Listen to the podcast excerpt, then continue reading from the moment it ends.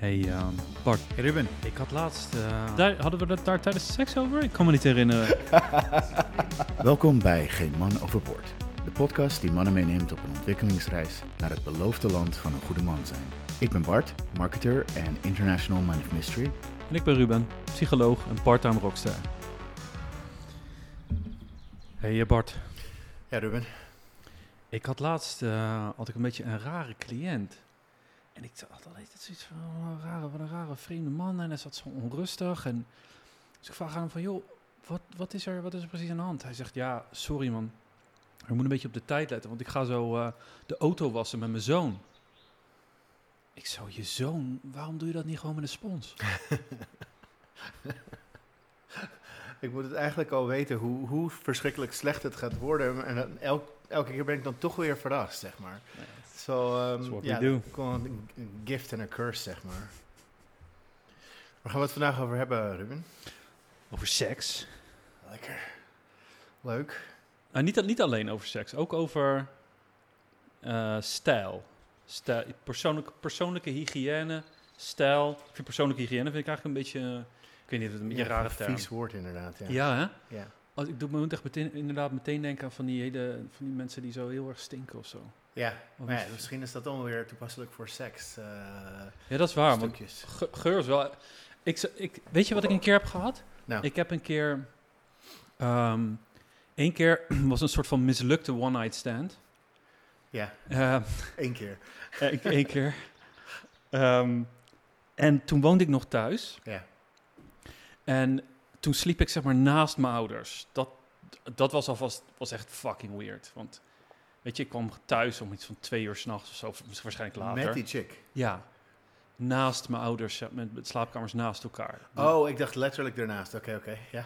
Hoe bedoel je? Nou ja, gewoon Dat ik aan, aan, kamer. aan mijn ouders voorstelde, dat ik zo even wakker maakte. Zei van, dit is mijn verovering van vanavond. En dan moet mijn vader, mijn Als vader maar, als je het maar veilig doet, jongen. Ja, precies. Geniet ervan. Ja. Ja. Anyway. Ehm, dus dat was, al, dat was al een beetje weird. Ja. Maar ik merkte al, zeg maar, daar... En daar was eh, in, ehm, het, in het LVC was dat volgens mij. LVC, toen bestond LVC nog in Leiden. Oké. Ik dacht dat het LVC was. Toen merkte ik al van, ah, het is best wel een beetje... beetje ze is een beetje plakkerig of zo. En ik dacht van, ah, het is ook wel warm, we hebben gedanst, een beetje zweterig of zo, whatever. En toen kwam ik thuis en toen rook ze echt best wel naar zweet. Oh. Ja, dan zou ik het ook gewoon niet kunnen. Dus ik geef dat de schuld. Ja. Ik geef niet, zeg maar, mijn jeugdige onzekerheid en... eh, Weet je het feit dat je moeder er gewoon dat zijn allemaal, dat Ja. zijn allemaal goede excuses om gewoon te zeggen van ja, one night stand. Maar ik moet wel zeggen, als ik iets lekker vind, is het een vrouw die lekker ruikt. En als ik iets vies vind, is een vrouw die stinkt. Dan kan, Ja. ik, ik, kan- echt, ik kan er gewoon echt niks, dan kan ik echt niks meer. Nee, het- voor mij zijn er zeg maar twee dingen. Eén is inderdaad eh, het geurtje. En, eh, en de twee... Wat, wat bedoel je met het geurtje? Waarom het geurtje? Waarom niet gewoon de geur? Ja, oké. nou ja, ik wou er niet gelijk een ding... Oké. De geur. Ja, ja. En eh, ja, het tweede is eh, toch wel lichaamshaar voor mij. Mm, Ja, dus, ehm, ja, dat is... ja, zeker als het een beetje... Ja, ik weet niet. Het, het, het, het lijkt zo heel snel al goor, zeg maar. Ja. Ik weet dat het ontzettend, hoe zeg je dat, hypocriet is. Eh, Hi, hoezo? nou Hoezo ja, is die- wij als mannen met allemaal haar. dat is mannelijk. Ja, ik heb niet zo heel veel haar, maar... Nee, ik doe ook wel een grooming en dat soort dingen, maar het is gewoon, eh, het is ja. niet hetzelfde. wat ja. bedoel je? Oké, daar, nu, nu moet je daar eigenlijk wel meteen op ingaan. Wat, Ja. wat, wat doe je aan grooming? Oh, eh, ik, eh, ik heb sowieso eh, niet, ik vind het bij vrouwen vies eruit Ja. zien, zeg maar. Ik vind het bij mezelf er ook vies uitzien. Ja, ja. Dus ik scheer ook gewoon mijn oksels en Oh, je eh, oksels dingen. ook? Ja, Hmm, kan ja. de situatie. Ja. En doe je, en doe je je schaamhaar, doe je dat groomen of doe je dat helemaal, helemaal weghalen? Ja, helemaal weg wel. Ja. Oh ja? Mm. Sowieso is groomen wel echt... ja, ik denk dat jij, als ik jou zo zie, ik denk dat jij wel borsthaar hebt, toch? Ja, eh, normaal wel, maar... Dus dan heb je zo'n onwijze pluk borsthaar en Nee, dan dat daarna, daarna is het kaal. Als, ja. lijkt- dat is zeg maar alsof je als man alleen een t-shirt aan hebt en daaronder niks. En dan vooral ook een beetje, dit is te kort Zo'n wollen trui. nee, ik moet het echt... eh, ik scheer het eh, elke week, zeg maar. En, ehm, Ook je borsthaar? Ja, en zelfs, ik moet zelfs mijn rug eh, moet geschoren Oh worden. ja. Dus dat doet mijn Maar dat doet vrouw het vrouwtje. dan, eh, onder de Als je een date eh, hebt of zo. Ja, ja, inderdaad. ja. ja, dus het is, echt, het is echt eigenlijk best belachelijk hoe lang ik elke week bezig ben met, Ja. met haar onderhoud en dat soort dingen. Ja. Maar goed, het is... Maar je krijgt er ook wat voor terug. Precies. maar goed, om even terug te gaan naar het onderwerp. Ik denk dat het, ja, voor vrouwen is het nog, ehm, ik vind het nog even een tandje erger, zeg maar. Ja, zeker. Sowieso denk ik dat het, eh, om even een zin te lezen van die, eh, van die hele goede film, ehm, nou ja, eh, Wolf of Wall Street. Ze moeten eigenlijk gewoon helemaal ongeschoren zijn van de wenkbrauwen naar beneden, zeg maar. Hmm. Niet ongeschoren, maar Ja, geschoren. ja, ja. Nee, dus ja, ongeschoren juist niet. Maar heb je dat wel eens tegengekomen? Je hebt bijvoorbeeld in Azië heb je, Hmm. hebben ze er echt een handje van dat ook vrouwen gewoon hun okselhaar niet scheren en zo. Nee, man. Ik, nee. En ik, ik, ik kan me ook niet voorstellen... Ik heb eigenlijk een beetje weer hetzelfde als met die geur. Ik vind zeg maar... Zo vrouwelijk, zeg maar, zo'n zachte huid en, en eh, onbehaard vind ik echt super aantrekkelijk. En het tegenovergestelde is echt, echt heel onaantrekkelijk. Maar weet je wat een, een hardcore lesbian feminist nu tegen je zou zeggen? Dat, dat we eigenlijk een soort, eh, dat we, dat we, wat we willen zijn eigenlijk gewoon kleine meisjes die nog niet volwassen zijn. Dat ze gewoon zonder haar lichaamshaar en zo zijn. En dat het, Hmm. dat het eigenlijk eh, ja, iets heel creepy is. Maar Waarom zou een lesbian dat tegen mij zeggen? Wat heeft een lesbische feminist. Dus Le gewoon- lesbisch feminist. ik wil gewoon nog even een stapje bovenop Ja, ja, ja, feminist. precies. Ja, oké. Ja. Ja. Nou ja, oké, ja, oké. Eh, ik weet niet precies wat ze, wat ze daar dan mee willen bereiken met dat tegen mij te zeggen. Hmm. En trouwens, ik heb niet zoveel met lesbische vrouwen te maken, als ik heel eerlijk ben. Oké, maar laat het punt eventjes... Het is wel, kijk, we hebben allemaal onze voorkeuren en Ja. dat soort dingen. En er Ja. zijn bepaalde, er zijn ook andere dingen bijvoorbeeld over dat, dat hele oude mannen nog steeds hele jonge vrouwen Ja. eh, leuk vinden. En Ja. Dat, dat wordt ook een beetje creepy op een gegeven moment. Dus, Hmm. dus ik denk dat dat... Ik snap, wel- ik snap het wel. Alleen, het, kijk, het gaat Ja. uiteindelijk om gedrag. Ik bedoel, kijk, wat je, wat je lekker, leuk of aantrekkelijk of mooi of lelijk vindt, ja, daar kan je eigenlijk niet zo gek veel aan doen. Het gaat erom wat je ermee doet. Ik bedoel... En trouwens, ik, ik, weet nog wel, ik weet nog wel dat jij dat voorbeeld gaf van... eh, jij hebt heel vaak de, de vrouw in de, in de, dan, de dansende vrouw in de jurk of zo genoemd. Ja. Zoiets, dat is het beeld van jou. En ik kan me er zeker een voorstelling bij maken. Ik denk dat heel veel mannen gewoon een beeld hebben van een vrouw... een beetje geïdealiseerd of een beetje een fantasie van... een eh, zeg maar schoon en goed verzorgd en een beetje zacht en Ja. lekker ruiken. En ja, is daar echt iets mis mee? Ik bedoel, ik weet zeker dat er heel veel vrouwen zijn die een fantasie hebben van een soort van ruige man en een beetje, eh, weet je Ja. wel, eh, is, dat, is, daar iets, is daar iets mis mee of zo? Ja, nee, inderdaad niet. En je kunt alles zo gaan reduceren. Ja, ik, daarom. ik, ik probeer daar een beetje devil's advocate te spelen. Ja, nee, ik snap hem ook al. Ehm, kijk, eh, hetzelfde geldt eigenlijk over waarom vinden wij borsten eigenlijk zo spannend? Ja, spannend zelfs. Ja, nou ja, of, mooi, of wat, wat is het? Het is gewoon Ja. een zak met, met wat is het, t- het 90% vet. Ja, het, is, het, is, het heeft totaal geen functie als ze groter zijn. Ik bedoel, Nee. eh, kleinere eh, borsten kunnen prima melk maken. Eh, het heeft gewoon heel veel te maken met, ja, ja, waar heeft het eigenlijk mee te maken? nou ja, evolutie toch wel. Want Mm. het heeft te maken met een bepaalde... Je hebt toch een soort vetvoorraad om dan uiteindelijk energie te kunnen geven aan je kinderen en dat soort dingen. En eh, Ja. heb je de golden ratio, wat er dus van zorgt dat... ehm, dat nou ja, het is onze voorkeur om de golden ratio te hebben, dus tussen heupen, Heupen en en, taille. eh, en taille. Maar waar dat dus eigenlijk voor zorgt, is dat, eh, dat, de, dat de kinderen er eh, goed uit kunnen, uit de Mm. heupen, zeg maar. Oh ja. Dus ja, Nee, je kunt Zo kijk jij altijd naar vrouwen, hè? Ja. gewoon met zo'n met zo'n zo'n passertje. en Ja, dan- pas er, ja. ja en dan, en dan ja. Nou ja, het is ook een manier. Nee, maar inderdaad, ik denk dat je, je kunt alles gaan reduceren, maar een voorkeur is een voorkeur. Ja. En ik denk dat... en ik vind er ook niks mis mee dat... Er is nu zo'n heel ding over dat je niet kan zeggen dat je een, dat je een eh, fitte of niet dikke vrouw wil hebben. Ik bedoel, dat is ook zoiets. eh, ik weet niet of het, Ja. of het het überhaupt waard is om het daarover te gaan hebben. Het is zo lame. Ik bedoel, ja, wat moet je daar nou weer van zeggen, weet je wel? Ik bedoel, ga je lekker even ergens anders druk over maken of zo. Mm. Dus ja, Voorkeur iedereen... is een voorkeur. Een voorkeur is een voorkeur. Wat doe je? Wa- Wat ik zat te denken, en toen ik hoorde dat we het over dit onderwerp gingen hebben... ehm, een van de dingen die ik hiervan geleerd heb van een collega van mij... en dat vond ik wel echt heel interessant... en die zat meer, was eigenlijk een seksuoloog... en die zei van... ehm, met betrekking tot seks heb je eigenlijk twee gebieden. Je hebt eh, het gebied van de porno en je hebt het gebied van de tantra.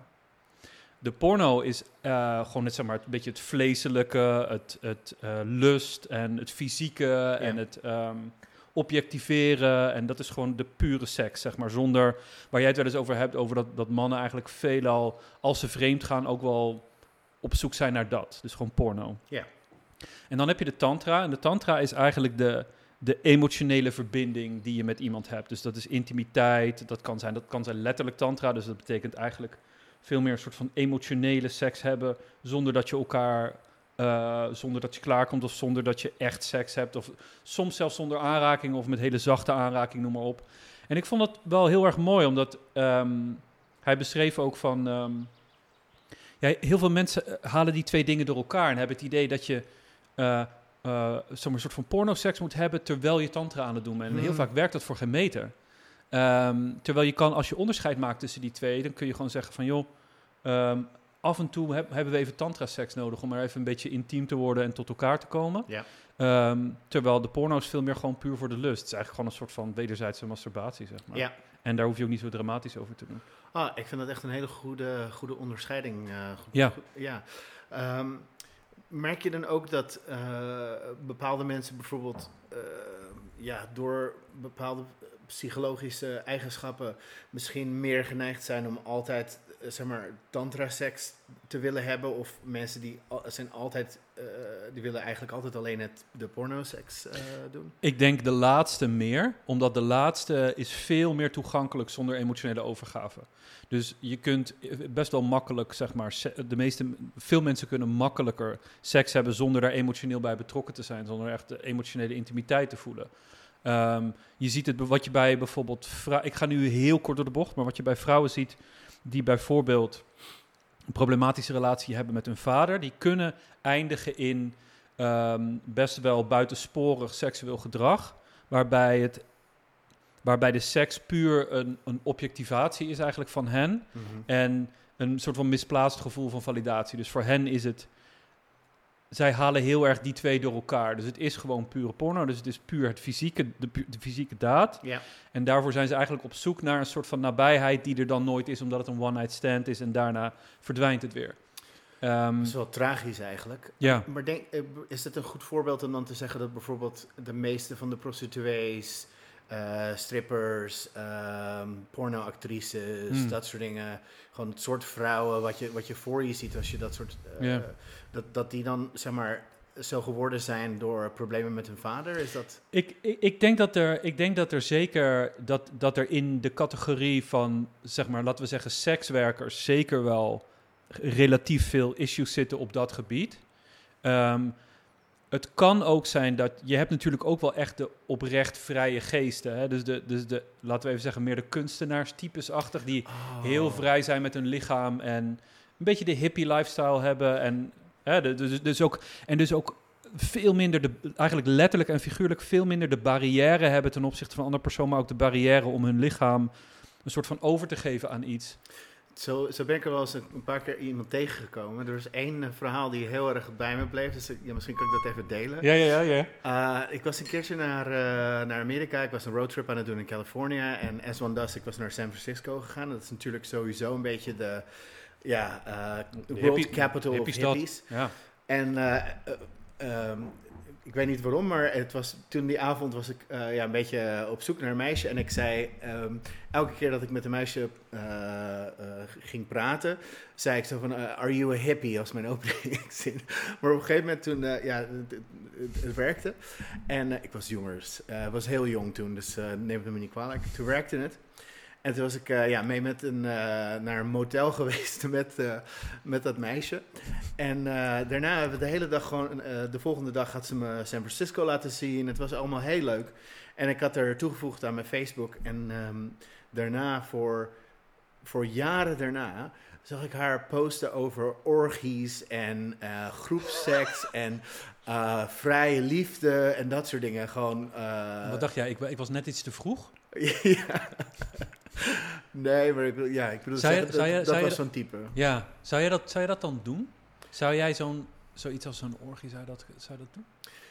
Wat nou als je, eh, als je naar een orgiefeestje gaat en je bent, je bent een- als een van de eerste klaar en dan, dan moet je zeg maar in de hoek gaan wachten of zo? Hoe, hoe, hoe, hoe, hoe werkt dat? Ja, dat heb ik me nou altijd al afgevraagd. Ga je dan snacks voor iedereen brengen of zo? ja. Ja.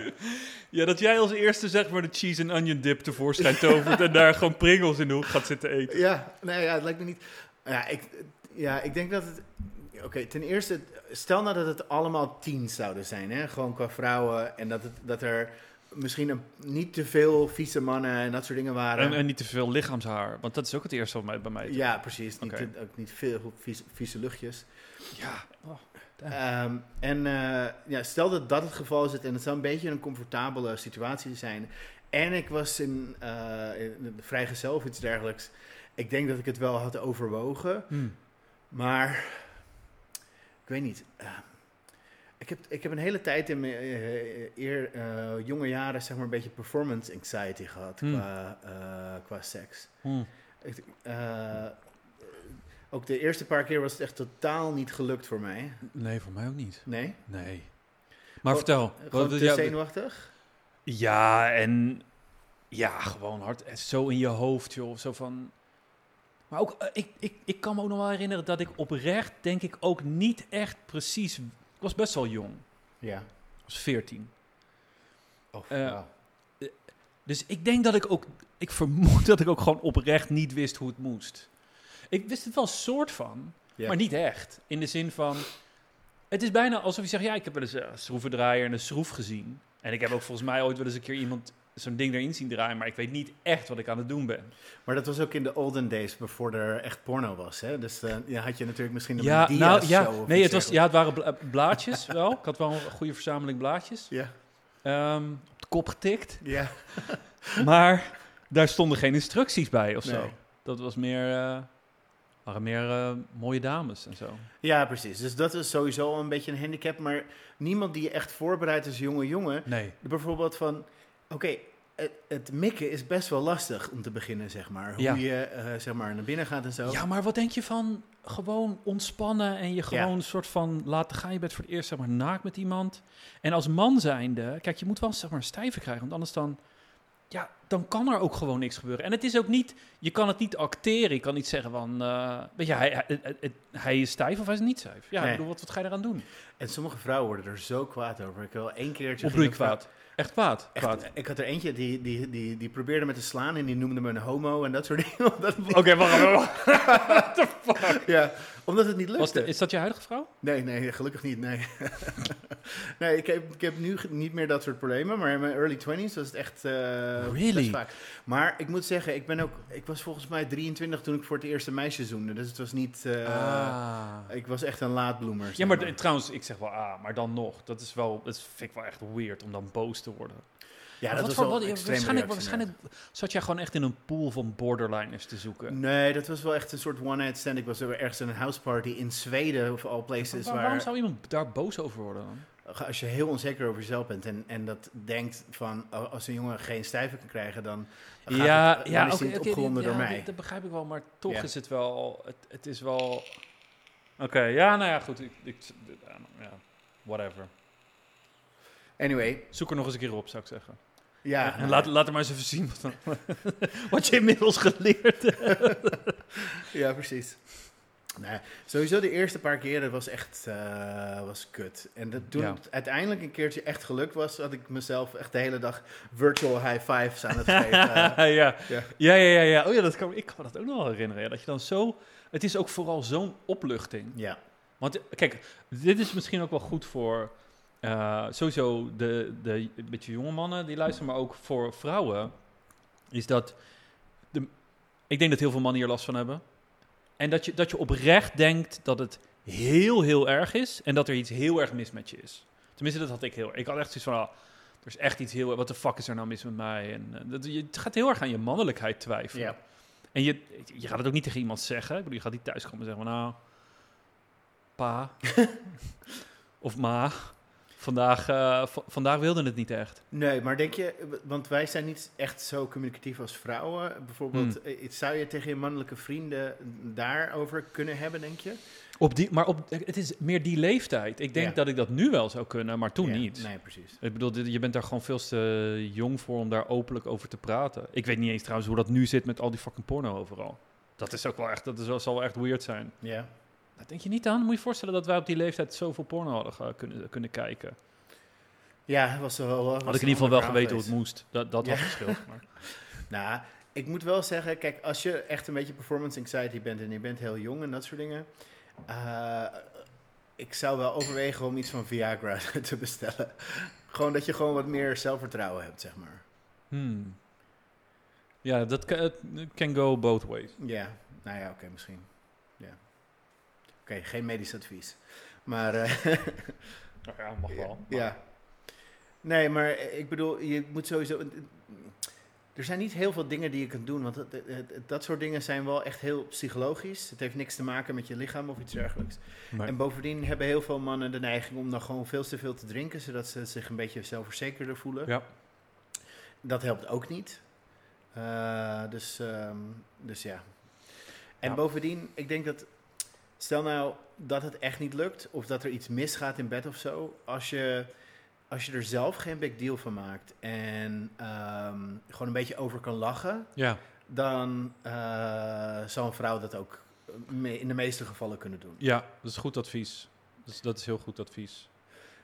Ik denk sowieso dat in elke situatie waar iemand, zeg maar, degene met de sterkste frame in een situatie is degene die, die de, de frame die, eh, die wint. Zeg. 100%. Ik, ik ga je daar een voorbeeld van geven. Ja. Ehm, en het is gewoon een, een verhaal wat ik gehoord heb. En volgens mij was het een verhaal van een komiek. Maar hij vertelde dat hij dat ervaren had. en hij was dus eh, ergens in een restaurant. En hij ging naar de wc. En hij trok de deur open. En daar zat daar iemand gewoon te schijten op die wc. Nou, normaal gesproken als je daar als je, zeg maar, zit te schijten en iemand komt de wc binnen... Dat is, dat is best wel embarrassing en ongemakkelijk. Maar, maar die man die daar zat, die bleef heel rustig en die zei... eh, Wait uh, one more minute, cowboy. I'll be, I'll, I'll be done in a minute. Gewoon fucking cool. Ja, En ik denk dat dat is wat je bedoelt. Op het moment dat je zeg maar gewoon zo'n soort van solide basis van zelfvertrouwen hebt in elke situatie, en dat kun je ook faken trouwens, ja. Dan is er eigenlijk niet zo gek veel wat er kan gebeuren. Nou, ten eerste kan je niet eh, zelf ge- gekwetst worden als je, als je dat echt voelt. Ja, En ten tweede is het veel makkelijker voor iemand anders om mee te gaan in een, in een bepaalde frame. Zeker als het een positieve frame is. ja. En als we dan toch over toiletverhalen... En- als we het toch over toiletbezoek Ja, ik heb er hebben. een paar, maar ik- deze is niet te maken met seks. Maar ik was dus ehm, eh, in Amerika en ik ging naar zo'n Starbucks toe. En ik vroeg, eh, mag, ik, eh, mag ik het toilet gebruiken? En ze zegt zo, nee, dat is alleen maar voor disabled people. En zonder pauze of iets dergelijks zeg ik, oh, I'm disabled. Zo, oké, here you go. Ik was niet in een rolstoel of er was geen handicap of iets dergelijks. Maar Hmm. het was gewoon ehm, zo'n, eh, weet je, sterke frame. En bovendien kunnen ze dat in Amerika niet echt, ehm, eh, hoe zeg je het, kunnen ze daar niet mee arguen. Hmm. Dus ehm, ja, daardoor werkte het. Maar goed. het is een beetje hetzelfde verhaal dat je, dat je een, eh, een frame hebt en, en mensen die gaan er gewoon in mee. Ja. Zonder, zonder Ik denk dat dit, is heel dit komt bij jou heel vaak terug. Hè? Ja. En ik vind dat wel mooi om te horen, omdat ik denk dat je er zeker gelijk in hebt. De vorige keer zei je iets over. Hadden we het over die vaderrol? En toen zei je van. Ja, als je helemaal geen. Misschien is dat ook deze frame of reference of zo. Als je helemaal geen frame of reference hebt van wat een man doet en kan. En de rol die die aanneemt. En misschien wel hoeveel die bluft of wat het dan ook is. Dan is het ontzettend moeilijk om je daarin te kunnen verplaatsen. En het lijkt alsof jij zegt van ja, de meeste dingen hoef je eigenlijk, die hoef je niet echt per se te onderbouwen, maar die kun je gewoon ofwel zeggen, of die ruimte kun je gewoon innemen, of dat kun je gewoon doen, zonder dat het echt consequenties heeft. En ik ben daar steeds meer over gaan nadenken. Ik denk dat je daar voor de meeste dingen daar ook oprecht gelijk in Ja. hebt. Het is. Ik denk dat het voor mensen heel moeilijk voor te stellen is. Of wat ik denk dat, dat een van de belangrijkste redenen is dat mensen dat niet doen, is dat ze bang zijn voor de schaamte of iets dergelijks om, om betrapt te worden. En dat dat dan niet opweegt tegen de eventuele voordelen. Ik denk dat eh, je kunt het zelfs misschien nog wat iets dieper doen. En ehm, eh, er is een uitspraak, het gaat zoiets over het, het, het grootste, het, het, het, het allerbelangrijkste geheim in deze wereld is dat mensen deze wereld zo gemaakt hebben en dat mensen kunnen besluiten om het anders te maken. En dat, weet je, als je, je kunt alles een beetje zo gaan bekijken. Je hebt allemaal van die instituties met mannen met pakken, of vrouwen met pakken, sorry.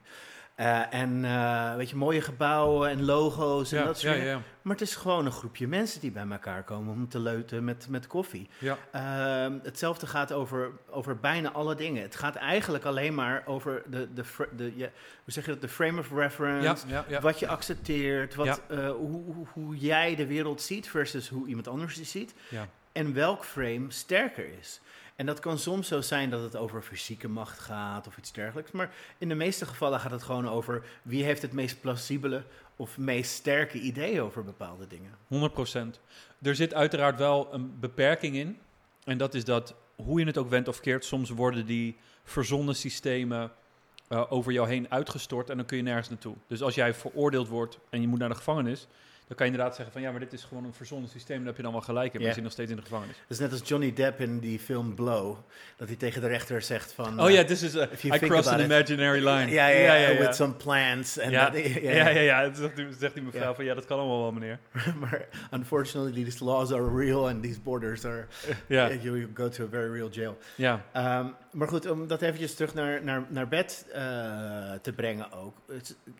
Je hoeft je eigenlijk nergens voor, echt voor te schamen. Nee. In het algemeen is het zo dat... Het is niet zo dat haar eh, opvatting van jou belangrijker is dan jouw opvatting van haar, zeg Ja. En het is hetzelfde waar we het ook al hadden over daten. Als je dus met zo'n frame naar binnen gaat van... Oké, impress me, ja, as opposed to the other way around... ja. dan eh, ik denk ik dat je sowieso een stuk gelukkiger in het leven bent. En dat, Ja, en het- het- nou, twee dingen, maar ik ga, er, ik ga er eerst even eentje vertellen. Ehm, en de- op die andere kom ik later terug. De- de- op deze kom ik later terug. Dat is de, ehm, jij had het over performance anxiety. Ja. En ehm, we hebben allebei een homo-vriend. Ik heb er zelfs twee. Hey, het is Eh, geen wedstrijd, hè? nou, het, is altijd, het is altijd een beetje een wedstrijd. Niet een vieze... Ehm, homo- maar de, ja, de een hoort wel bij de ander. Ik weet niet of dat dan telt, want het is een stijl. Oh, nou, dan ken ik er ook twee. Ah, ik dan, ik krijg wel gelijk, ik krijg wel het gezeik alweer. Ehm, maar hij, hij, kijk, zij, hij heeft zeg maar zoveel eh, kennis van mannen en seks, want hij heeft, hij heeft seks met mannen, dus hij weet daar, en hij, hij herkent ook heel duidelijk die, die verschillende types, weet je wel, dus van, oh ja, deze gast, die moet wel eens performen, en die moet heel erg laten zien hoe die dit en de ander, en sommige mensen kunnen zich veel beter laten gaan, sommige mensen kunnen dit, sommige mensen kunnen dat, en het was wel interessant om daarmee te praten, dus misschien kunnen we hem een keer uitnodigen. Ja, Ehm, maar daarom fascineert het me ook zo, die, die wereld van... Zeker, van, van want, homo- dan, dan zie je, dat is echt een inkijkje in Ja. de mannelijke seksualiteit. Ja. Dat is wel heel interessant. Nou ja, dat, dan gaan we een keer excursie doen. Geen man overboord. eh, En dat- dat we dan allebei gewoon een, eh, een, een, iemand meenemen aan de slaapkamer. En dat zegt van, oh, zo, wer- werkt dat zo? Zeg ik dan? Slip Eh, heb ik je wel eens verteld over... ik, had, ik had heel veel indringende vragen aan die homo-vriend van mij ver- verteld. eh, gevraagd. ja. En eh, op een gegeven moment zegt hij, eh, je hebt van die, van die clubs waar je naartoe gaat als, eh, als man. En het is zeg maar een soort naakte bar waar je dan zeg maar gaat cruisen, heet dat. Eh, en dan sta je gewoon helemaal naakt en dan, en dan eh, als je elkaar op de... Ook zonder schoenen? Of je, Ja. op je slippers? Gewoon helemaal zonder... Ja, in Azië op slippers inderdaad. Eh, Op en, op je alleen op je crocs. op je Crocs. There's not a bigger turn-on in this world. Maar goed, dus eh, je gaat daar staan en dan kijken ze elkaar aan en dan kunnen ze naar achter gaan om seks te hebben. Maar het, wat blijkt, is dat je daar, zeg maar, als je binnenkomt en je geregistreerd de eerste keer, Ja. dan doen ze dus een penismeting. En vervolgens eh, bepalen ze dus of jij een, welke kleur armband je krijgt. En als jij dus boven een bepaalde maat zit, dan krijg je dus een VIP-bandje. Dan mag je altijd gratis naar binnen. Wat is de cut-off? Eh, in Azië is het eh, best, eh, best te doen voor ons. eh. Hoe word je voor ons? Heb je, heb je stiekem zitten, zitten koekeloeren terwijl ik naar de wc ging of zo? Is deze informatie ergens bekend of zo? Dat je, dat je zegt voor ons. Oh, ja, nee, ik ging ervan uit dat Ja, we gingen vanuit dat, jij ging ervan uit dat hij precies hetzelfde, even grote piemel hebben. Ik denk een babyarm die een appel vasthoudt, zo. Is dat, is dat soort, eh, zo'n soort formaat? Ja. Maar goed. Eh, dus eh, ja, eh, dat soort dingen. En ook bijvoorbeeld Grindr. Het is een fascinerende wereld waar je gewoon Zeker. eigenlijk al binnen vijf minuten met elkaar afspreekt om seks te hebben. Eh, Ja, of dat kan in ieder geval. dat zou kunnen, Ja, ja. ja. ik ga dan altijd meer voor de wat meer diepgaande gesprekken, maar... Tantra-seks dan ook. Tantra, ja. ja. Tantra Ruben heet ik. Ja. Dat is je nickname op Grindr. en geven vervolgens tantra seks in het toilet uh, in, de in de steeg. tantra seks in de steeg. Had je allemaal kaarsjes om de haar gezet, weet je wel? Elkaar dan gewoon, gewoon anderhalf uur lang in, in de steeg aankijken. Dat is wel heel intiem. Oké, maar anyway. Uh, het, eigenlijk het tweede punt is wat ik wilde maken, waar, waar ik dus eigenlijk... Um, Before you were rudely interrupted, ja. Yeah. Precies. Um, ik had uh, ander goed advies gehoord voor... Um, volgens mij was dat van een therapeut, mannelijke therapeut, en die gaf mannen heel simpel advies. Die zei, uh, als je seks hebt met een vrouw, dan helpt het het beste gewoon to awaken your inner pervert, zei ah, ja. En dus gewoon precies datgene doen wat jij lekker vindt. Doe met haar wat je wil. Dat is voor haar namelijk ook veel fijner. Dan kan zij namelijk ook uit haar hoofd. Dan hoeft zij ook niet zoveel na te denken over... vindt hij het wel lekker, vindt dit, vindt dat, vindt zus, vindt zo. En dus eigenlijk gewoon een beetje een, beetje een wilde man zijn. Maar ik denk, oké, ten eerste, ik denk dat in over het algemeen dat vrouwen opgewonden raken van hoe opgewonden de man van haar Ja, wordt. jij hebt hier een keer iets over gezegd. Volgens Ja. mij was het exact dat. Ja. En het, het klonk ook behoorlijk, eh, dat klonk toen al, zeg maar, ehm, behoorlijk narcistisch in de oren. Maar ik kan me er zeker wel wat bij voorstellen. Nou, ik, ik, eh, ik, heb er veel over gelezen. Ik ben ervan overtuigd dat het, dat, dat het geval is voor de meeste, zeg maar, vrouwelijke vrouwen. Eh, dat ze, ja, zoals ik zei, dat ze erop van, van raken dat jij opgewonden bent over haar, zeg maar. En dat de beste manier om dat te doen is inderdaad gewoon, gewoon je, jezelf helemaal los te laten gaan, zeg maar. ja. En, gewoon te doen waar je, waar, je- wat, je, wat, je, wat je zelf wilt. En eigenlijk als je erover nadenkt... Kijk, ik zeg wel narcistisch, slaat eigenlijk helemaal nergens op. Want het is, Het is wel Ik een denk- beetje narcistisch. het, het is in essentie narcisme, maar het is niet per se ongezond narcisme. Dus het, je, kijk, jij vindt het denk ik ook heel eh, opwindend als een vrouw jou heel lekker vindt. Ja. Ik bedoel, dus op zich is het helemaal niet zo gek. Nou, Maar- maar, wij mannen hebben wel meer, eh, zeg maar, eh, van de eh, genot van de mechaniek van het seks. Het is- ja, het dat is- zou de, dat, dat is, ik denk dat dat wel klopt. Ik denk Ja. dat dat wel klopt. Maar kijk, als je, er, als je erover nadenkt, ehm, het is ook gewoon heel fijn als iemand gewoon zijn ding doet tijdens en, en niet heel veel nadenkt en niet heel erg veel rekening houdt, maar gewoon veel meer in de zijn-modus dan in de denkmodus. En, en, en dat mag ook wel een beetje losjes zijn, zeg maar. Maar ik denk dat je het dan wel meer hebt over mannelijkheid. Over Ja, dominantie. Ik, eh, ja, ik heb het daar. Ik, ik weet niet hoe dat. Ik, weet, ik vind het lastig om dat in te schatten voor vrouwen. Ehm, Nee, in essentie ben jij als vrouw de ontvanger en als man de gever. Dus het is wel gewoon de natural order of things volgens mij. ja, ja, Eh, natuurlijk zijn er altijd uitzonderingen. En er zijn mannen die, die ervan houden dat een vrouw, zeg maar, take charge en dat soort dingen. En, good for them. Maar in het algemeen denk ik dat het best redelijk te zeggen is dat de meeste vrouwen gewoon. dat denk ik ook wel. En want het, de daad zelf is ook eh, eentje van, van binnengaan en de ander van ontvangen, gewoon letterlijk. Weet je wel? Dus het is ook niet gek dat dat de natural order is. Ehm, en ja, ik, ik persoonlijk vind het ook niet zo aantrekkelijk als een vrouw dominant is eh, Nee. in bed. Maar dat is, dat is ook weer gewoon zeg maar, een voorkeur. Ehm, ik weet ook niet. Ik, ik zit heel even na te denken of ik daar wel eens gesprekken over heb gehad met andere mannen. En dat die andere mannen zeiden van, oh ja, dat, eh, dat, dat- ik wil echt heel graag dat zij heel erg de baas is en dat zij het overneemt. Ik heb dat eerlijk gezegd ook nog niet zo heel vaak gehoord. Misschien is het een soort van stille fantasie of zo. Of een ja, het zal misschien wel wat, wat meer stigma op zitten ook eh, met dat soort dingen. ja. Maar in het algemeen denk ik dat, ehm, dat, dat inderdaad de meeste vrouwen gewoon liever eh, ontvangen dan, eh, dan, dan geven, zeg maar. Ja. Ehm, ja, wat vind ik, ik, ik, ik, hoorde laatst bijvoorbeeld dat er een, eigenlijk best een groot ehm, verschil is tussen eh, de seksuele fantasieën van mannen versus vrouwen. Ja. En dat over het algemeen dat meer vrouwen zoeken naar bijvoorbeeld rough sex en, Hmm. en, gedomineerd worden en dat soort dingen. Hm. En in het algemeen mannen dat minder doen. En dat er, dat er eigenlijk best een grote Zo'n grote oh, gat in de markt. gat in de markt zit, letterlijk en nou, figuurlijk. dus moeten we wat gegevens achterlaten dat vrouwen zich bij ons kunnen melden daarvoor? Nee, ja, sorry. Ja. Ja, dat doe je even voor de camera. Ja, ja, ja. Oké, ik, ik zorg wel dat de gegevens bij de juiste mensen terecht. nee, maar dit, dit is interessant. Eh, eh, jij, ik ben benieuwd waar je trouwens die vandaan hebt. Ik kan, me, ik, kan me, ik, kan me het zeker, ik kan me er zeker iets voor voorstellen. Ik denk ook dat er iets natuurlijks in zit voor een vrouw om zich eh, op een bepaalde manier gedomineerd te willen voelen. Omdat het ook iets heeft van een soort van overgave en veiligheid en noem maar op. Ik weet niet of jij dat stukje kent van ehm, Jordan Peterson, waarin hij uitlegt wat de meest gegoogelde termen zijn met betrekking tot seks en vrouwen. Dus dan gaat het over chirurg, miljonair, piraat. en al- allemaal van die, van die- Dus het is ook heel vaak. Vrouwenromannen. Wat zeg je? Hetzelfde met vrouwenromannen. Ja. Ja, ja. Ja, dus het is zeg maar. Het zijn hele, best wel specifieke fantasieën, maar het heeft altijd te maken met. Eh, het heeft vaak te maken met een bepaalde sociale status, zeg maar. En dan het temmen van die man. was er ook eentje, ja. Het is zo dat, eh, eh, ik denk dat de, zeg maar, laten we even heel klinisch zeggen, maar zeg maar de meest hoge waarde mannen, Hmm. die zijn het lastigste om, om zeg maar voor in een monogame relatie te krijgen. Want ze hebben veel meer keuzes in het algemeen. Hmm. Dus, het, dus waarom zou die man met één vrouw gaan als die zoveel keuzes hebt, toch? Ja. En, en dus zijn heel veel van die vrouwelijke fantasieën dat mannen met zo'n, met zo'n klassieke hogere status, zeg maar, door haar getemd wordt. ja.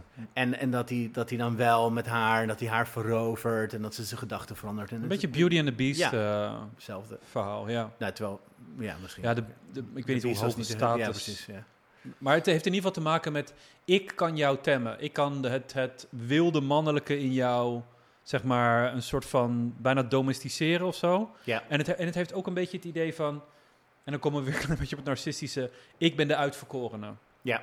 Hè, dus de, de, de prinsessenfantasie is natuurlijk ook van... ik ben een prinses, ik ben speciaal, ik ben bijzonder.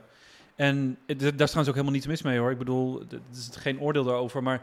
Dat zie je veel meer bij vrouwen. Het, het eh, speciaal en bijzonder zijn. Hè? Dus het, het, het kroontje opkrijgen, noem maar op. Ja, ik, ik heb eh, wel wat zeg maar, players ontmoet die dan zeggen van... ehm, thank God for women's eh, savior eh, complex. Omdat iedereen, iedere vrouw waarmee hij naar bed gaat dacht dat ze hem wel konden temmen. En, Hmm. terwijl die, weet je, hij zegt er niks van. Maar ehm, eh, tegelijkertijd hebben ze wel die hoop, zeg maar, dat het gebeurt. En, Ja, ja. Ik weet niet, of- het is misschien wel een beetje fout om daar gebruik van te maken. Maar tegelijkertijd, ja, Je kunt je afvragen in hoeverre dat überhaupt een basis zou kunnen zijn voor een goede relatie. Mm. Omdat ik denk dat het voor vrouwen eigenlijk ook stiekem een fantasie is zonder dat ze echt zich dat beseffen. Want kijk, in de reddersfantasie zit, zit, er zit ook letterlijk het woord fantasie. En een fantasie hoort niet uit te komen. Een fantasie, de, het, het punt van de fantasie is dat het een fantasie is. Hè, dus dat je de fantasie kunt beleven, maar als de fantasie uitgespeeld is, oftewel als diegene helemaal gered is Ja. en getemd, dan is de fantasie weg. En dan, en dan past het niet meer in het plaatje. En, en op seksueel eh, gebied heb je, wel eens, heb je dat wel eens gehad? Dat je een fantasie had voor een hele tijd en dat het gebeurde en dat, het, dat je uiteindelijk dat het een beetje Op een seksueel gebied niet. Nee. Nee. Want op seksueel gebied kan het een fantasie blijven, omdat op seksgebied is het, het is een spel. Alleen het leven is te. Kijk, seks duurt niet zeg maar jarenlang of zo. Terwijl het leven is continu. En Ja. seks is, is af en toe. Dus in, in, in, in seks kan je veel meer een fantasiewereld betreden. In het echte leven is het veel moeilijker, omdat ja, dan moet je in één keer de vaatwasser in en uitruimen. Weet je wel? En Ja. tijdens de seks hoeft dat niet. Dus niet, niet altijd. Soms. Soms is het wel handig om even, gewoon even de, de vaatwasser of eh, een doekje over dingen heen te halen. Denk je dat het het waard is voor een man om zeg maar zijn eh, verlangen, seksuele verlangens, een beetje te proberen te, te temmen op een bepaalde manier? Mm, nee, tenzij ze extreem destructief zijn. Eh, maar het is wel zoiets, je zegt heel vaak zo van, oké, eh, when is enough enough? Weet je, wanneer... Ja, dat, dat bestaat niet. Nee, Nee. Maar, maar, maar dat wil niet zeggen dat je. eh, ja, oké, maar misschien hebben, moeten we het dan over het juiste woord hebben. Jij hebt het over temmen. Ik, ik zou het veel meer zeggen integreren en kijken waar je. of je dat op een eh, gezonde manier met je partner kunt doen. Mm. Kijk, als, als je fantasie is van, joh, eh, ik wil echt het hele dorp geneukt hebben. Ja, daar zit. Dan, en dan daarna komt het volgende dorp waarschijnlijk. Maar dat is als je een relatie hebt niet zo verstandig. Ehm, Ik zag laatst een, eh, een podcast. Een stukje ervan in ieder geval. Mm. En was een, eh, een, een man en een vrouw. En die vrouw die begon erover van... eh, ja, je bent zo succesvol in je leven, bla bla bla. Waarom kun je niet gewoon je, eh, ervoor kiezen om, om monogaam te zijn en bla bla. En die man zegt... firstly, I hate you. maar ten tweede... ehm, ik heb mijn hele twintige jaren... heb ik geprobeerd die kant van mij te, te integreren... en ehm, en zeg maar mezelf proberen te dwingen om het soort persoon te zijn die in monogame relaties kan zijn. En Hmm. ik ben er gewoon achter gekomen dat het, het, het, het is niet wie ik ben. Het, I struggled so much. Mm. En uiteindelijk ehm, eh, ja, ben, ik, ben ik er toch van overtuigd dat het, dat het gewoon niet voor mij is, eh, dat soort dingen. Ja.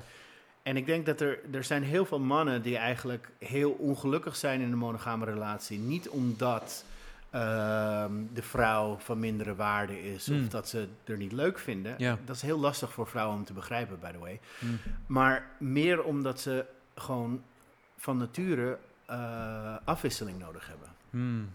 Ja. Kijk, en eh, eh, ja, ik, ik snap, het, deze is lastig, omdat je kunt je afvragen of dit een kwestie is van you can't have your cake and eat it too.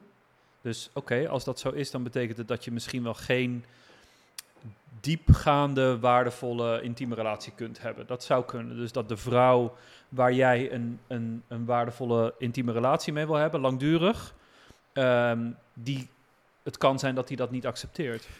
Behalve misschien de San Francisco hippie eh, community. Ja, alleen dat is eh, vaak niet dan de vrouw waar die persoon. Ja. Daar, daar is het ook heel moeilijk om. Er zullen ongetwijfeld mensen zijn die een open relatie hebben en die dat allebei heel goed aankunnen en die ook heel goed kunnen communiceren daarover en die allebei. Ik kan me niet helemaal voorstellen dat het, dat, dat one way, een one- Nee. in een one-way street echt werkt. Ah, het is ook een beetje de, eh, eh, laten we zeggen, de tragedie van, van, van het mannen zijn, vind ik zelf. wat Nou, wat ik maar zeg- kan je het heerlijk dramatisch Wacht maken. Nou, het, Ja, is ook heel dramatisch, denk ik.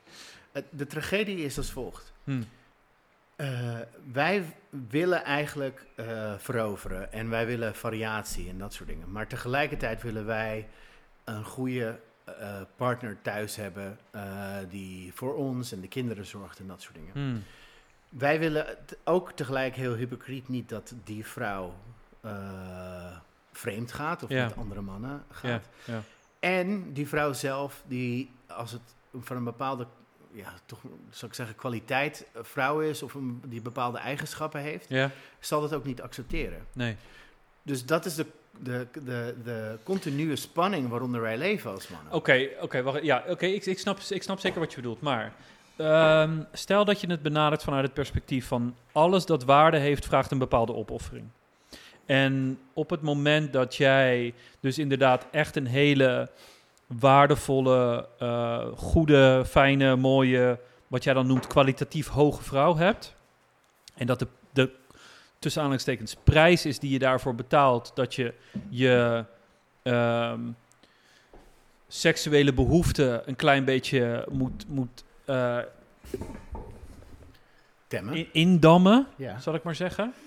Is het, is het dat dan ook niet ergens wel waard? Ik bedoel, kijk, want wat je aan het begin zei, ehm, ik denk dat dat wel klopt. Het, er, bestaat ook niet zoiets als genoeg.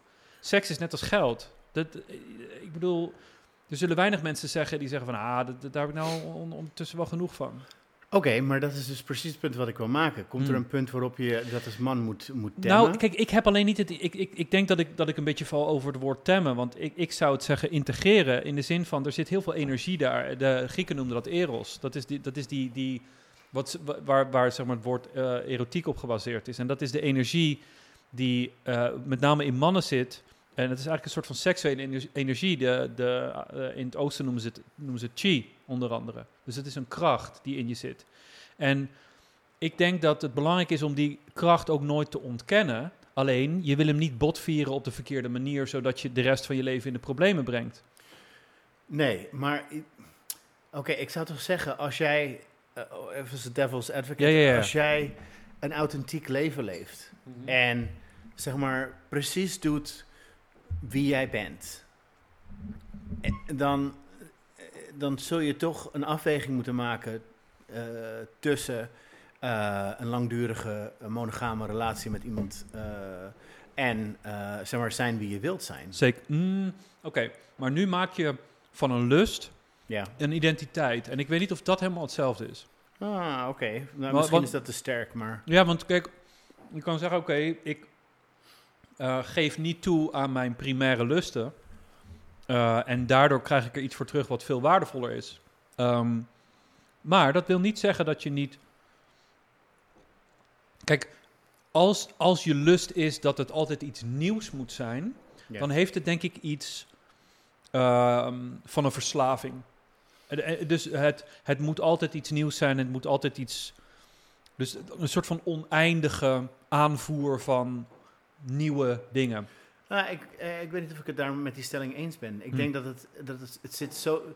Mannen die gedragen zich seksueel gezien eigenlijk als sperma... terwijl vrouwen zich gedragen als eitjes. Eh, Daarmee bedoel ik dat wij... eh, we moeten gewoon zoveel mogelijk eh, kwantiteit...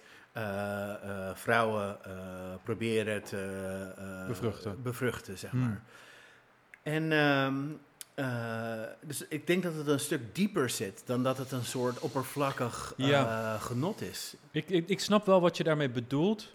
En tegelijkertijd ehm, is het ook wel belangrijk om mannen niet te veel te reduceren dan tot datgene. Want ja, je hebt gelijk, er zit zeg maar een soort van oerkracht misschien wel onder. Oké, fijn. Ehm, ja, aan de andere kant, als je een, een bepaald gezond leven wil leiden, dan is, is een opoffering natuurlijk ook niet per se iets dat heel erg slecht is. Ik Mm. bedoel, ik kan ook zeggen van ja, ik wil eigenlijk de hele dag door fucking taart eten. Want als ik iets van suiker eet, koekjes en drop en noem maar op. Dat is een ongelooflijk genot voor mij. Ja. Maar als ik dat doe, dan word ik moddervet. En dat is dus ook de opoffering die ik doe. Dan kan je zeggen, ja, eigenlijk kan je dus nooit echt veel dingen van suiker eten. Nee, dat klopt. Is dan een gemis?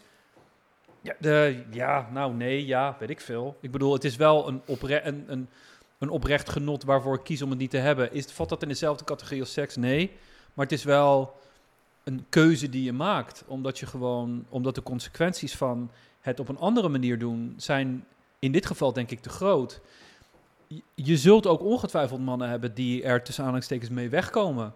En daarvan kun je je afvragen van oké, hebben die dan wel die intimiteit in die, in die stabiele relatie? Hebben die, en, of hebben die daar überhaupt wel behoefte aan? Ehm, ik weet het niet. Weet je, eh, een sheik met een, met een harem. Ja, I don't know. Ik, bedoel, ik zou er geen nee tegen zeggen, there's maar... something to be said. Ja. Eh, ja, als het zou kunnen. Maar ja, ik denk dat het een overweging is die je moet maken. En sowieso in deze, deze maatschappij, in deze cultuur... is het niet zo dat je dat heel makkelijk kan doen. Misschien is dat ook wel een beetje jouw, ehm, jouw punt, dat, het, dat, dat, dat je het bijna ook niet mag vinden of niet mag denken. Of niet Ja. mag, ja, ja, ik snap wat je bedoelt. Ja, dat klopt wel. Het is, eh, ja, en dat, dat, ik vind dat eigenlijk de tragedie. Dat, Ja. er zit zo, het, het is het zoiets natuurlijks. Terwijl het is voor, eh, laten we niet, eh, hoe zeg het, om, om de woorden draaien. Het is, het, is, het is, voor duizenden jaren is het zo geweest dat het oké was voor een man om een beetje buiten de deur te neuken, zolang hij maar voor zijn familie zorgde. Hmm. Dat is altijd don't ask, don't tell. Eh, weet je, zolang je niet, eh, zolang je voor je familie zorgt, is het oké. Ja, Eh, nou ja, vrouwen ze boos zijn, maar ze gaat niks. Weet je. Dus, en, en het is alleen zeg maar een beetje de laatste tijd dat het, dat het, dat het een soort ja, een feministische issue wordt. Hmm. Ik denk zelf dat het iets als. als je twee volwassenen in een relatie hebt, dan, dan, en dan moet je met elkaar kunnen afspreken dat je niet vreemd gaat. Of eh, je moet kunnen afspreken en uitleggen ja. waarom je vindt dat jij als man wel kan vreemd gaan en de vrouw niet. Of, of andersom. Eh, whatever. Maar ik denk, ik denk dat eh, whatever je afspreekt, dat dat hetgene is waar je aan moet houden. En dat het een beetje, eh, ja. ja... ehm, ik denk dat er heel veel vrouwen zijn die, als het puntje bij paaltje komt, als, het, als je niet over de, eh, de maatschappelijke normen en de, de druk en dat soort dingen hebt, die, die zullen zeggen van, oké, ehm, as long as I don't know. As long as I don't really know, Ja, okay. ik snap wat je bedoelt. Ik- maar ik, ergens, ik- je maakt op zich een goed punt. Eh, ik, ik weet niet of ik er helemaal hetzelfde over denk, maar wat, wat ook wel een beetje bijna doorschemert is. ehm, oh, ik vraag me af of het nou echt alleen maar lust is of ook dat er wel een beetje validatie in zit of zo. En dan denk ik weer van, oké, dan heeft het meer bijna iets een beetje pathologisch van... Is het dan de... Want voor sommige mannen is het gewoon de verovering. En Ja. de verovering is eigenlijk gewoon de bevestiging van dat jij oké bent in essentie van... Weet je wel? eh, Ja, waar zit... eh, ik denk dat bij de extreme inderdaad dat je gelijk hebt. Eh, de, de grootste players die ik kende, die waren allemaal ontzettend onzeker. En die deden het omdat ze validatie nodig hadden. ja. Maar ik denk dat ergens in het midden er wel gewoon ruimte is, gewoon als voor een normale man, om, eh, om, om dat soort verlangens te hebben. ja. En Zou je dat denk je kunnen oplossen in je relatie, zeker als het wat een lange relatie is, door bijvoorbeeld een triootje te hebben? Of, eh, Ja, eh, het, nou, kijk, eh, ehm, voor andere mensen misschien. eh, Ja, het is niet mijn. Ik weet niet. Nee, ik eh, voor mij is dat al een crowd, zeg maar. Ik denk van. eh, nee, dus dat, dat, he- dat heeft zeg maar niet persoonlijk niet mijn voorkeur, maar ik denk dat dat voor heel veel mensen in een relatie zeker interessant kan zijn. Kijk, waar het, uiteindelijk allemaal om draait, is dat je het allebei wil.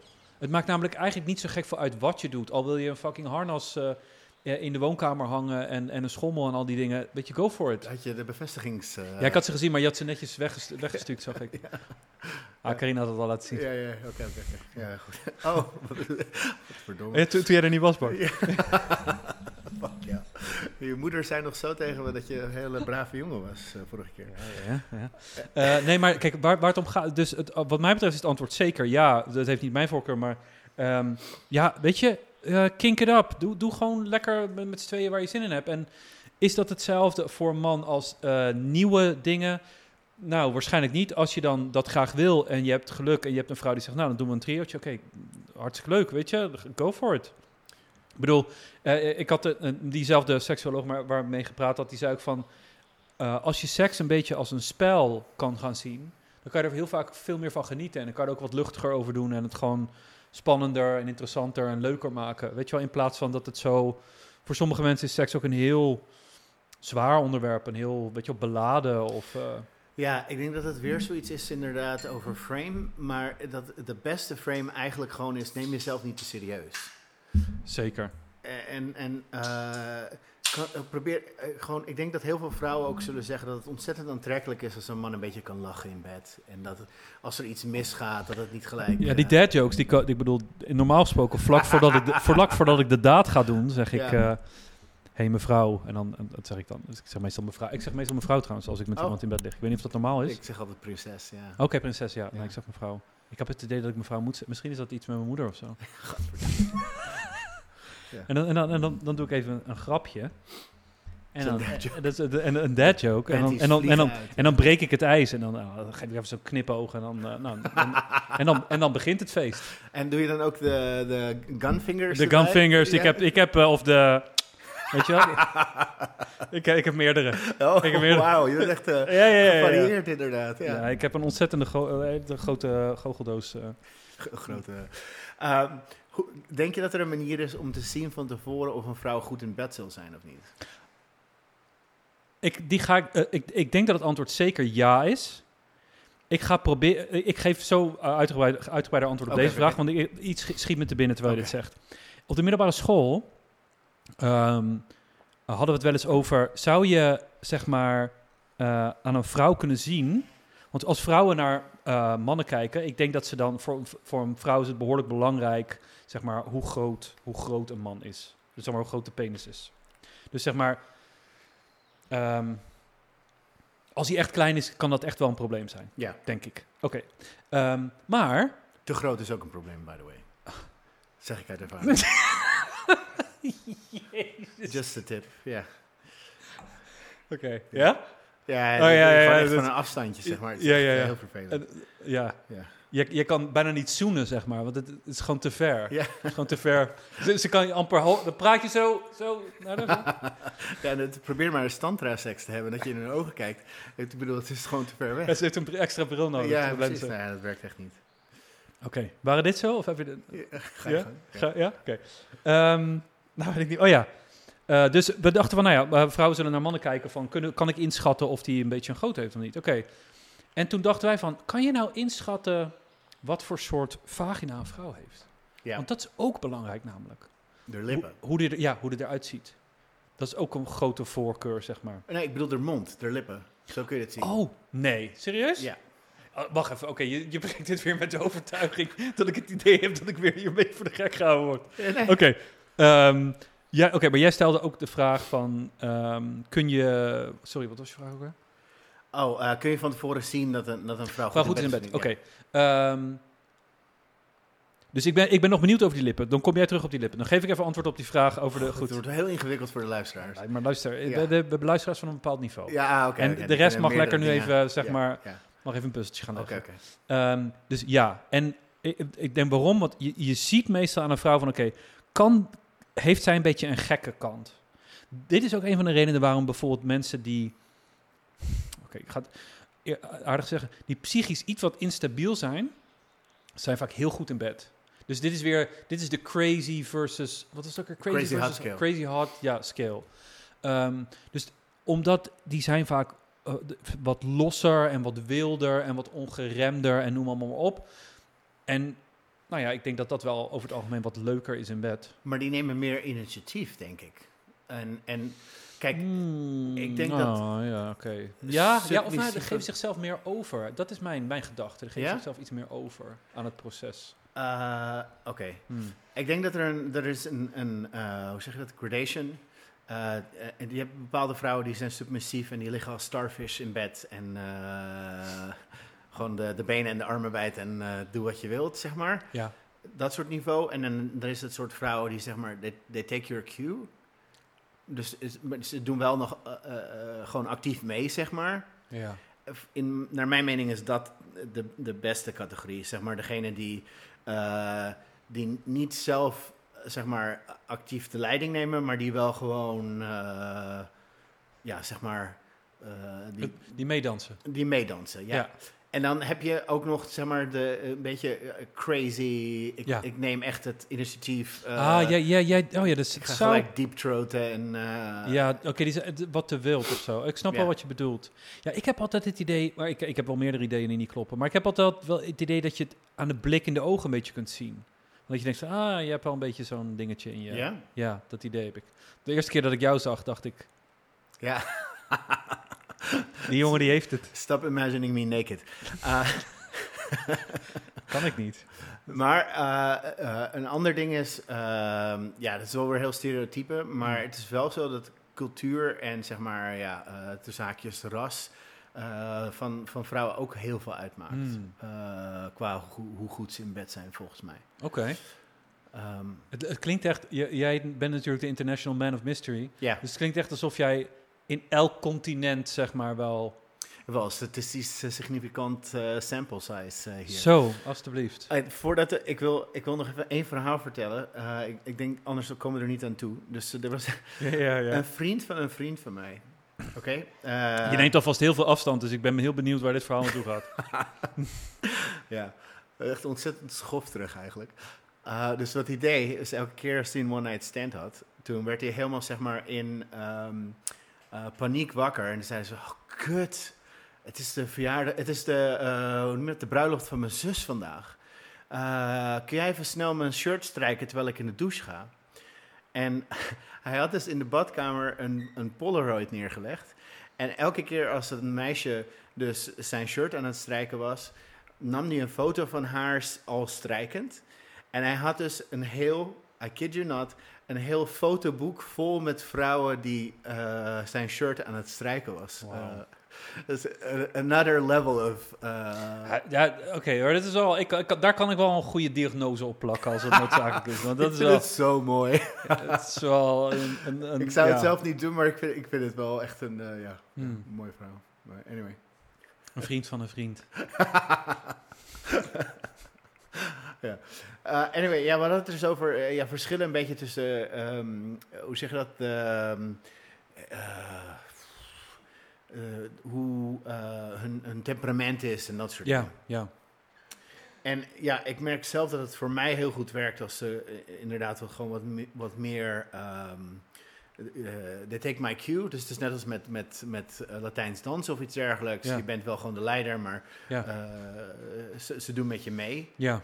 Ja, Eh, passiviteit heeft ook een beetje iets, iets vreemds of zo. Eh, alsof iemand heel afwezig is. Ja, Ehm, ja, nee, ik snap, ik snap wel wat je bedoelt.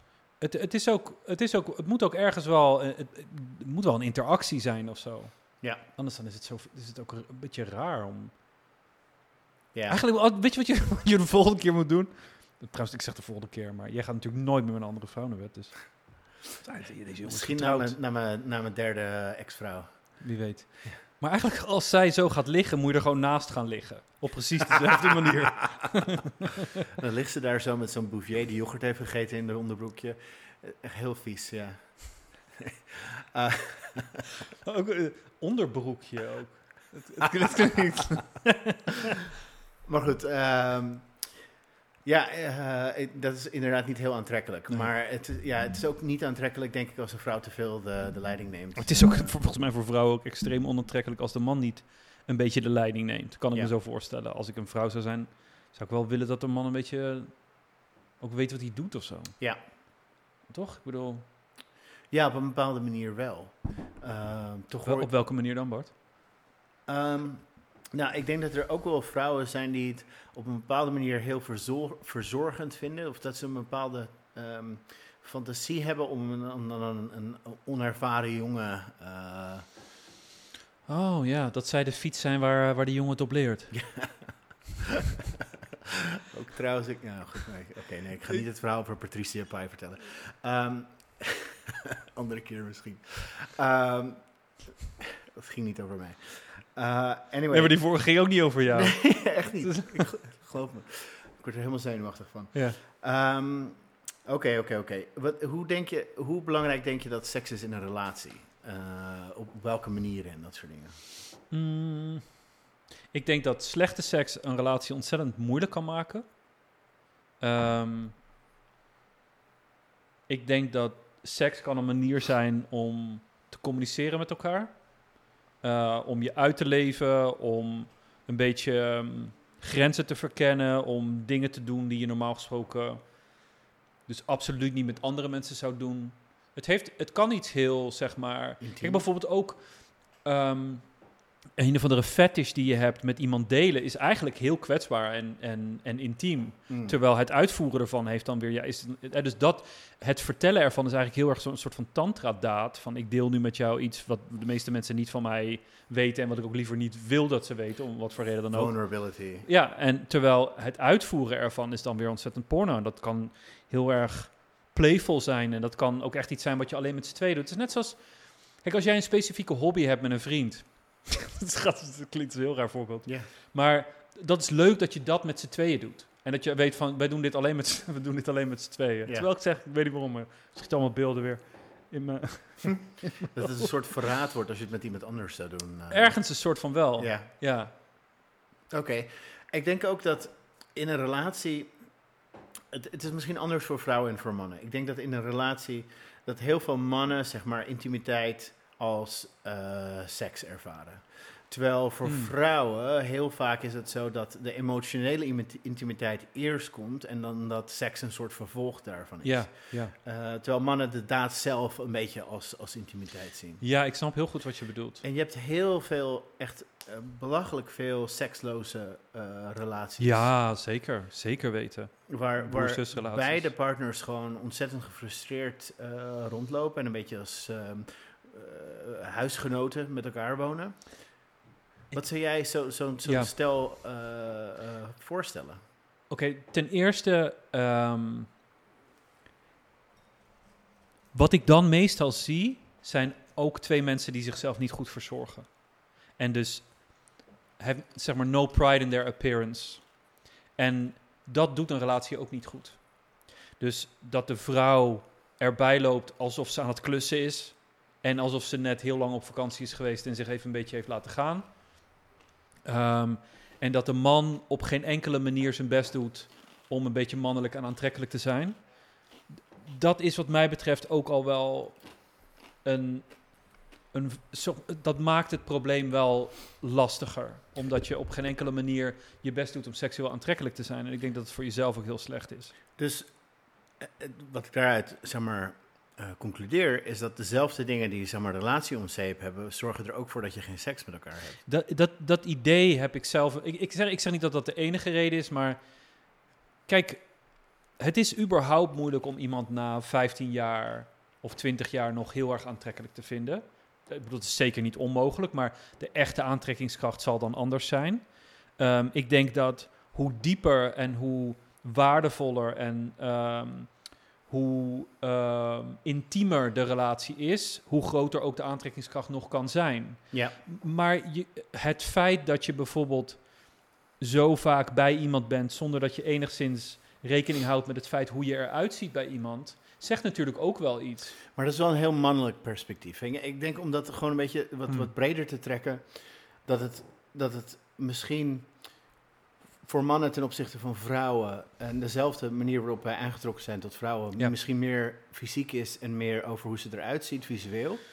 En dat het voor vrouwen meer te maken heeft met wat is jouw zeg maar eh, status in de maatschappij. Yes. En dat hetgeen wat relaties misschien minder goed maakt eh over time, is dat een vrouw teleurgesteld is in hoe eh, jij, zeg maar, ehm, je ontwikkeling als, als man, je status als man in de maatschappij op veel verschillende manieren. En dat voor een man de teleurstelling meer gaat over van, oké, ik dacht dat ik met een mooie vrouw getrouwd was. ja. Ik zou, jij haalt het op sociale status. Ik zou het veel meer hebben over eh, zijn integriteit, zeg maar, dus zijn ontwikkeling als persoon.